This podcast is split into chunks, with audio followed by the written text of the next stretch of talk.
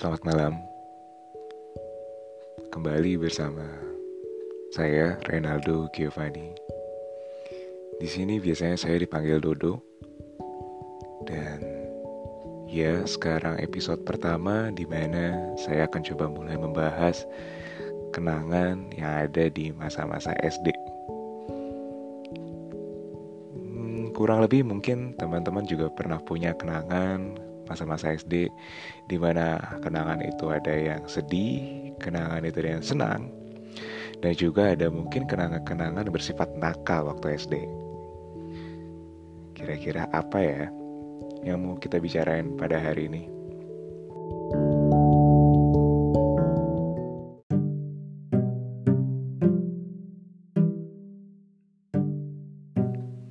Mungkin saya akan coba langsung mengutarakan atau menceritakan kenangan saya waktu masuk SD pertama kali. Ya sebelumnya mungkin saya beruntung saya bisa masuk juga ke TK, Taman Kanak-Kanak. Lalu saya melanjutkan sekolah dasar saya ke SDK Sang Timur. Di situ saya masih merupakan anak yang masih kecil banget di mana masih mungkin masih manja-manjanya, masih perlu deket terus sama orang tua dan kalau masuk sekolah nangis dulu. Waktu SD kelas 1 saya inget banget ketika udah hari pertama masuk situ saya langsung memilih tempat duduk paling depan bukan artinya saya paling pintar ya tapi karena mungkin saya takut kalau misalkan di belakang nggak bisa dengar apa-apa jadi saya paling depan, untungnya juga teman-teman di situ banyak teman-teman waktu TK. Jadi ya saya masih bisa bermain dengan mereka juga, saya masih kenal karena saya sebenarnya ini adalah introvert. Saya agak susah kenalan dengan orang-orang baru. Dan cukup menyenangkan ketika punya teman-teman lama yang ternyata masuk sekolah yang sama juga. Bener gak tuh? Jadi mungkin teman-teman juga pernah merasakan ya punya rasa cemas sendiri, khawatir sendiri kalau misalkan, aduh, kok teman-teman saya udah pada pindah ya, sedangkan saya masih terjebak di sekolah yang sama, gimana nih? Atau, aduh, saya sekolah yang baru nih, lingkungannya baru nih, gimana ya ntar? Apakah gampang nggak ya dapat teman-teman? Bisa nggak ya? Nah, tapi di masa SD saya waktu kelas 1 saya paling ingat lagi kalau misalkan ketika sudah memilih tempat duduk depan, memang saya diantarkan sama orang tua saya, yaitu mama saya. She is a very great woman and I adore her. Although maybe our relationship is not that kind, it's not that good, but I want to her to know that I love her. Jadi ketika waktu SD kelas 1, pas waktu udah duduk, jebret, taruh tas, memikirnya waktu awal-awal wah ini bakal have fun nih bakal seneng banget nih. Tapi belum mulai pelajaran saya udah mulai nangis. Karena tadi saya nggak bisa jauh-jauh dari orang tua saya masih manja sekali. Dan teman-teman saya juga ketika melihat saya ketika menangis mungkin tanya kali ya bertanya-tanya. Hal yang paling saya ingat adalah teman saya ada yang nanya langsung ke saya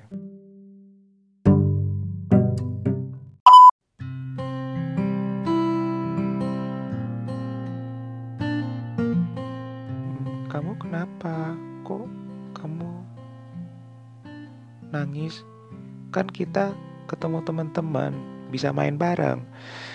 Iya, memang bisa main bareng, cuma saya mungkin waktu itu masih terbawa suasana, agak melankolis juga ya. Tapi saya senang akhirnya orang tua saya, mama saya memberkati saya biasa uh, this is kind of our habit that every morning when I want to go to school or maybe I go somewhere else and then my mom just bless me on my forehead jadi itu udah jadi kebiasaan banget jadi habit saya dan setiap kali saya keluar pasti saya minta itu karena kalau misal kalau misalkan nggak ada orang tua ya saya uh, I made the cross on my forehead uh, by myself dan itu menjadi satu tanda berkat buat saya lah untuk bisa memulai hari ini dan mulai hari ini dengan senyuman dan penuh semangat. Ketika pelajaran sudah mau dimulai, saya ingat banget semua waktu itu ada bel. Semua para murid tuh teman-teman juga pada langsung bukan masuk ke kelas, tapi kita baris dulu di paling depan. Tujuannya apa sih? Mungkin karena itu terbiasa dari TK kali ya. Jadi ketika TK memang so, ketika ada pelajaran akan dimulai itu akan bunyi bel masuk dan bel masuk itu ya penanda kita untuk baris bukan penanda kita benar-benar masuk ke dalam kelas akhirnya kita berbaris di depan kelas kayak biasalah anak-anak gimana sih? Kita baris nggak beraturan. Oh kamu kamu tinggi kamu tinggi. Oh, enggak aku mau tapi mau paling depan ya. Terus ada yang diem hmm, ada yang muka yang ngantuk dan segala macam. Dan wow. Kalau diingat-ingat lagi itu masa-masa yang mungkin kita nggak perlu mikirin apa-apa. Jadi kita udah mulai baris terus ada wali kelas. Wali kelas biasanya nih biasanya waktu ke SD sekolah dasar wali kelas untuk SD kelas 1 sampai kelas 3 biasanya wah caem-caem. Baik-baik banget. Mukanya friendly penuh senyum. Ketika datang senyum manis kelihatan gigi. Wah kayak suatu iklan pasta gigi ya Pepsodent gitu kali ya. Nah ketika udah masuk, ketika udah mulai berbaris, seperti biasa, hadap kiri, gerak, mulai masuk. Hal yang paling pertama kita lakukan apa? Memberi salam. Waktu awal langsung gurunya bilang,